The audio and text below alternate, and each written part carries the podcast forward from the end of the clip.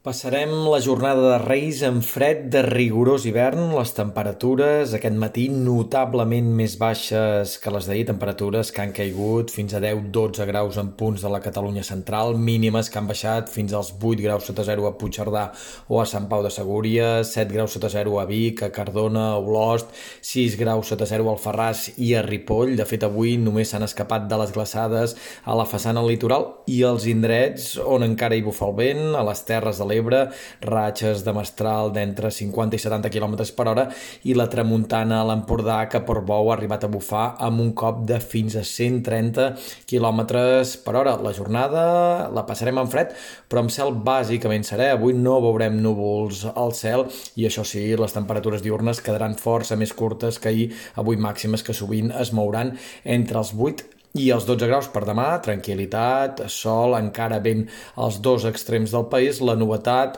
la nevada que el Pirineu deixarà gruixos poc importants, cota de neu a l'entorn dels 800.000 metres. De cara a dissabte, la nevada restringiria el vessant nord del Pirineu, continuaria bufant el vent i això farà que les boires no s'instal·lin a Catalunya. De cara a la setmana vinent, les temperatures mica en mica s'anirien recuperant, però el vent continuaria sent un dels protagonistes de la setmana, especialment a les Terres de l'Ebre i també a l'Empordà.